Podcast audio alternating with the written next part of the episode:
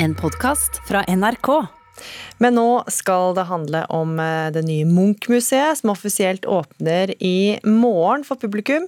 Men noen inviterte gjester har allerede fått se Oslos nye attraksjon fra innsida. Det vekker både begeistring og skuffelse. Et uh, ganske ordinært hus. Store, litt intetsigende rom. Både i foajeen og i publikumsområdene oppover i huset. Rett og slett ganske kjedelig, syns Gaute Brochmann det nye Munch-museet har blitt. Han skriver om arkitektur i Morgenbladet, og er redaktør i magasinet Arkitektur.n. Brochmann sier han hadde forventet mer kvalitet i arkitekturen. Kompromissviljen som da preger utsiden, føler jeg også preger innsiden. At her er det egentlig ingen som har kjempa skikkelig for at det skal bli så bra som mulig. Det har på en måte blitt greit, praktisk og greit. Og så er min opplevelse at Munch hadde fortjent mer enn som så. Jeg syns jo det er eh, utrolig sjelløst. NRKs kunstkritiker Mona Palle Bjerke er også skuffet etter å ha sett det ferdige museet. Jeg hadde håpet at den eh, litt sånn industrielle, eh, kalde følelsen som eksteriøret gir, at det skulle være helt annerledes å komme inn. Og at det ville bli en liksom, formildende ting. At åh, her er det i hvert fall vakkert. Men det er jo veldig mye av den samme sånn ugjestmilde følelsen. Man har disse perforerte mm, aluminiumsplatene som dekker uh, rulletrappene under. Arkitekten bak museet, Juan Herreros, tror publikum vil få et nytt syn på bygget når de kommer inn og får se byen gjennom de gjennomhullede platene. I invite them to come in and to go up and to discover all this landscape drawn like watercolors pixelized through the small holes of the aluminum plates and, and understand that the city, thanks to this building, th thanks to that view, is a kind of piece of art. Opplevelsen av byen fra innsiden blir nærmest som et kunstverk i seg selv, sier arkitekten. Egentlig så er det utrolig høytidelig, det å gå inn i en kunstinstitusjon som dette. Vår aller største kunstner gjennom alle tider. Og så er det liksom, ser ut som du går inn i et uh, hvilket som helst kjøpesenter. Erling Dock Holm deler Mona Palle Bjerkes observasjon, men ikke konklusjon. Han forsker på arkitektur og byutvikling ved Norges miljø- og biovitenskapelige universitet. Foajeen er utrolig enkel. Altså, det er virkelig et sted uten noen form for ornamentikk eller eh, pompøse detaljer. Men den er der Rett og slett for at du som besøkende ikke skal føle noen ærefrykt. Arkitekturforskeren har selv vært skeptisk til museets plassering i byrommet, men det han nå har sett gjør ham begeistret. Det er et ekstremt gjennomarbeidet eh, utstillingskonsept. og Arkitekturen er der for å fremme Munchs eh, bilder, og der de største bildene til Munch eh, utstilles, der er f.eks. takhøyden mye større. slik at du ikke får denne fornemmelsen av at bildene er for store for eh, sitt utstillingslokale. Direktøren ved Munch-museet, Stein Olav Henriksen, var forberedt på kritikk. Diskusjonen ønsker han velkommen. Det er veldig mye engasjement rundt alt som har med Edvard Munch å gjøre. Også dette nye bygget med sin arkitektur og beliggenhet osv. Eh, men det er et monumentalt eh, bygg som er også ganske brutalt. Og det er et bygg som du må ta stilling til, akkurat som du måtte med Edvard Munch og hans kunst. Så det kler egentlig samlingen, syns jeg. Og vi kunne ikke bygget et pent bygg for Edvard Munch. Nå er kanskje ikke pent et arkitektonisk begrep heller, men jeg syns at det står seg veldig godt til det formålet dette huset er bygget for. Og reporter her, det var Thomas Alverstein Ove. Du kjenner kanskje Stein Torleif Bjella best som musiker og eh, dikter, men nå utvider visekunstneren og popmusikken eh, katalogen ytterligere. I morgen blir nemlig debutromanen 'Fiskehuset' tilgjengelig for salg. En bok om to slektninger som tilbringer en uke på høstfiske i et vann på fjellet. Musiker, nå også forfatter Stein Torleif Bjella, god morgen. God morgen. Har det bodd en forfatter i deg lenge?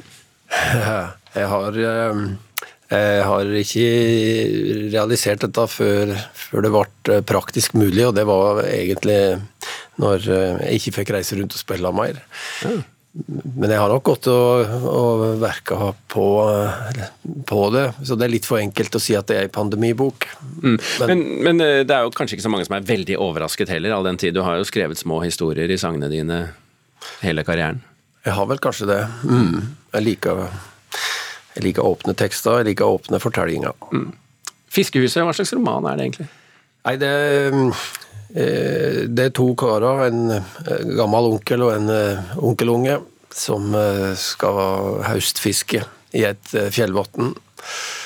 Og det er ramma, og så er det da Han blir jo skolert og danna på alle livets områder, han guttungen av gamlingen. Eh, både i fiske og eh, i kjærleiken, og ikke minst musikken òg. Han, er, han er gamle Ivar er bl.a. dommer på landskapleik, og han er unge han spiller gitar og skriver sanger, så han er jo ikke jeg innser at han er ikke helt ulik meg, men eh, han er helt ulik òg. Ja. Men, men, eh, disse sitter altså inne på det der fiskehuset eh, kveld etter kveld i en hel uke. Er det noen form for dramatikk, eller er det dialogbasert alt dette? Nei, det er vel en slags um, endring. Uh, og han får jo kunnskap om livet i vannet og under vannet. og Eh, altså eh, onkelungen, og han blir konfrontert med forskjellige ting som gjør at det er en viss overføringsverdi fra det livet under vannet til det livet over vannet. Så han, eh, han, går gjennom ei, ei endring, da. Mm. Var dette en historie som kom til deg? Måtte den bli roman? Kunne den vært en sangtekst eller et dikt? Jeg har prøvd meg på to sanger i hvert fall om fiske. Da. Jeg har skrevet sangen 'Ekkel fisk', og så har jeg, skrevet sangen 'Fiskesangen'. Eh, og jeg har dikta om eh, bekkaure. Men eh, nei, dette måtte bli ei lang historie. Nå, nå, nå, er det jo slik, ok, ikke en, ikke en covid-bok, men like fullt så har du jo ikke kunnet reise rundt sånn som du pleier med, med gitaren. Um, har det vært en veldig annerledes tid for deg sånn sett? Ja, det var jo, jeg ga ut ei plate, Øvreål Toneakademi, i mars 2020. Og da eh, Du skulle akkurat ut på veien, du? Ja, egentlig. Det er litt av den store gevinsten med å gi, eh, lage plate, og få komme ut eh, en runde, da. En skikkelig mm. runde. Så det gikk jo i vasken nå. Så da ble Ja, da famla jeg litt rundt noen måneder før jeg på høstkanten der klarte å virkelig sitte i ro og skrive mm. den der boka, da. Er dette starten på et uh, langt forfatterskap? det uh, Jeg mener, noe må du jo gjøre. Ja. Nei, tirs, tirsdag, førstkommende tirsdag så er vi på plass i Steinkjer. Altså, vi skal spille der. Og Trondheim dagen etterpå, Molde og Ålesund osv. Men uh, um, jeg går ikke og tenker på andre bøker nå. Jeg går bare og venter på denne her. Gjør det, som er gøy. Ja. Du, vi skal ha en smooth overgang til eh, neste sak her eh, i studio, Stein Torleif Bella, så jeg har tenkt å spørre deg. Hva er din favoritt-TV-serie? Oi. Um, kona mi og jeg, og jeg har liksom eh, slutta litt med TV. Det, det, tok for mye tid etter hvert, så det har um, Jeg har gått litt leit til de TV-seriene. Mm. Så nå er det bare Nå er det Koda Kork med Bjarte Tjøstheim i alle roller som jeg ser. Eh, jeg vil si at eh, som eh, NRK-representant er jeg veldig glad for det svaret der. sånn. Tusen takk. Det var Jeg er helt sikker på at det er sant, men det var også veldig riktig. Stein Torleif Bjella, takk for at du var med oss her i Nyhetsmorgen. Takk for meg.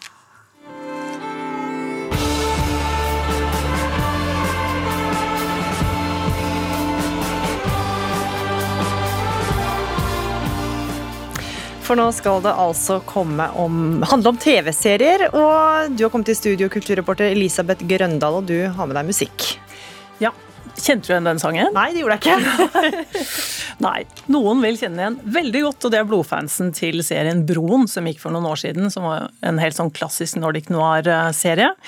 Og jeg tok med meg den fordi BBC har gjort en kåring av de beste TV-seriene de siste 20 åra.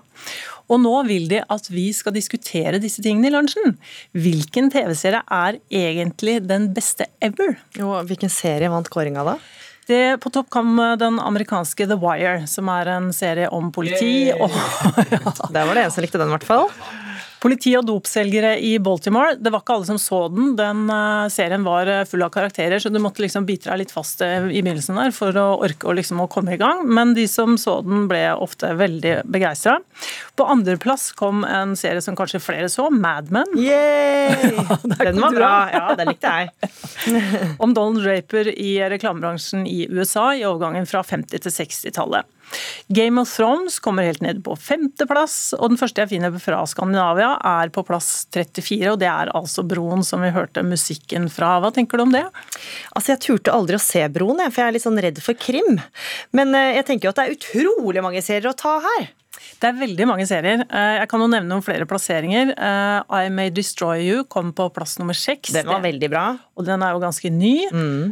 Tsjernobyl-serien mm. kom på 15.-plass. Uh, Le Bureau, denne franske ja, agentserien, uh, den kom helt nede på plass 49. og Noen vil kanskje tenke at hm, britisk kåring, fransk serie, hm, kanskje ikke tilfeldig. Så har du den serien som het Normal People, som kom i fjor. som jo ble veldig populær. Ja, ja. To unge mennesker og, og, sterk kjærlighet. Den kom helt nede på plass 84. Oi. Så her er det mye å ta av hvis du vil diskutere. Og det jeg tenker er egentlig at BBC Kultur prøver å lure oss inn i kulturelle diskusjoner på den måten her, ved å si at dette skal vi diskutere i lunsjen og tvitre om. Og her vil jeg egentlig gjerne la meg lure, for jeg syns det er gøy å snakke om. Eh, man kan jo bli overraska over hva folk egentlig liker. F.eks. din favorittserie, hva er det? Uh, og det er så mange. Jeg likte veldig godt The Crown. Den syns jeg var fantastisk. Uh, og nå driver jeg og ser på The Morning Show, som jo handler om sånn morgenverter på TV. Det er veldig gøy. Det er nesten et uhav å velge her, så det er nesten umulig å velge seg igjen. Og du da, Birger? Uh, hva jeg, jeg, jeg, jeg, indikerte i stad, The Wire syns jeg er helt uovertruffen fantastisk. og hvis spørsmålet om hva jeg ser nå, så ser jeg Ted Lasso. Mm. Bare amerikanske serier? Vi må kanskje tenke litt på de skandinaviske også. Likte Borgen, da. Ja, Borgen, Borgen, er også på lista, men ja. ganske langt ned. Mm. Ja. Så, men det er lov å mene sjøl, og det er lov å tvitre om det, og det er lov å diskutere i lunsjen, sånn som BBC har bedt oss om å gjøre. Så vær så god, kjør debatt. Det skal vi gjøre. Og når BBC sier det? Da gjør vi det. Ellers så snakker vi ingenting om det, men når BBC sier det. Mm. Elisabeth Grøndal, du har i hvert fall fått oss til å begynne å prate. Takk for uh, den orienteringa om denne kåringa. Vi kan snakke om eh, film også, vi, for den saks skyld. Vi har jo muligheter til det. Eh, vi har jo nå fått eh, to katastrofefilmer her i Norge. Den ene heter 'Bølgen', den andre heter 'Skjelvet'. Eh, nå har folkene bak disse filmene eh, nok en katastrofe i ermet. Her er NRKs anmeldelse av storfilmen 'Nordsjøen'. Du vet at Det er tusenvis av mennesker på jobb der ute som har rett til å vite hva som skjer.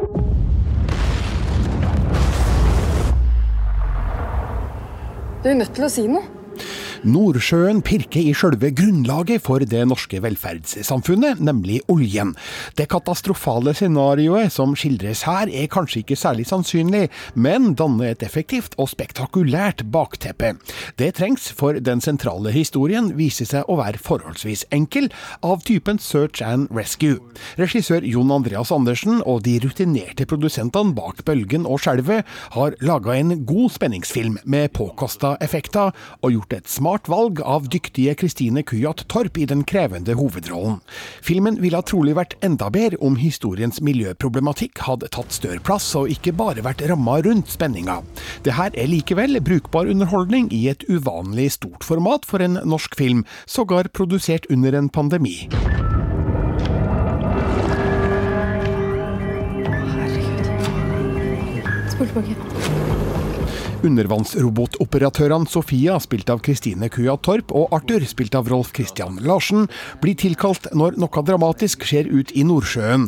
En plattformkollaps som vi dessverre ikke får se, men ville sjølsagt blitt vist i en film med et større budsjett. De oppdager at en enda større fare truer, og gir bevisene til oljeselskapets operasjonsleder William Lie, spilt av Bjørn Floberg, som igangsetter en masseevakuering.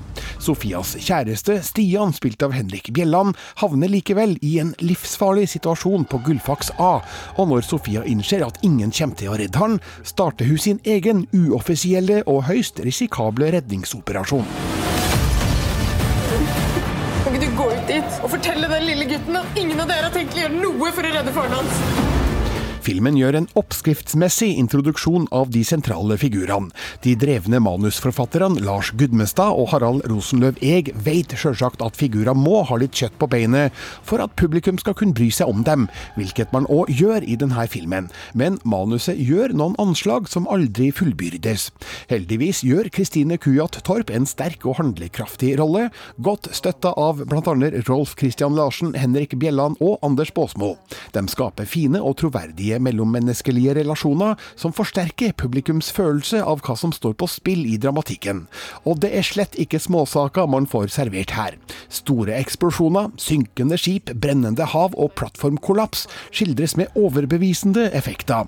Nordsjøen gir et godt kinosug i magen i de mest dramatiske scenene.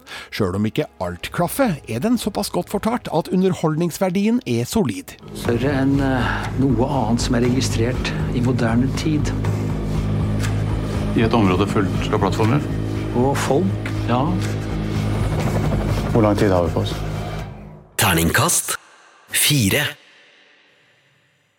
Reporter her, det var Eller reporter. Filmkritiker, det var eh, Birger Vestmo. Du har hørt en podkast fra NRK. Hør flere podkaster og din NRK-kanal i appen NRK Radio.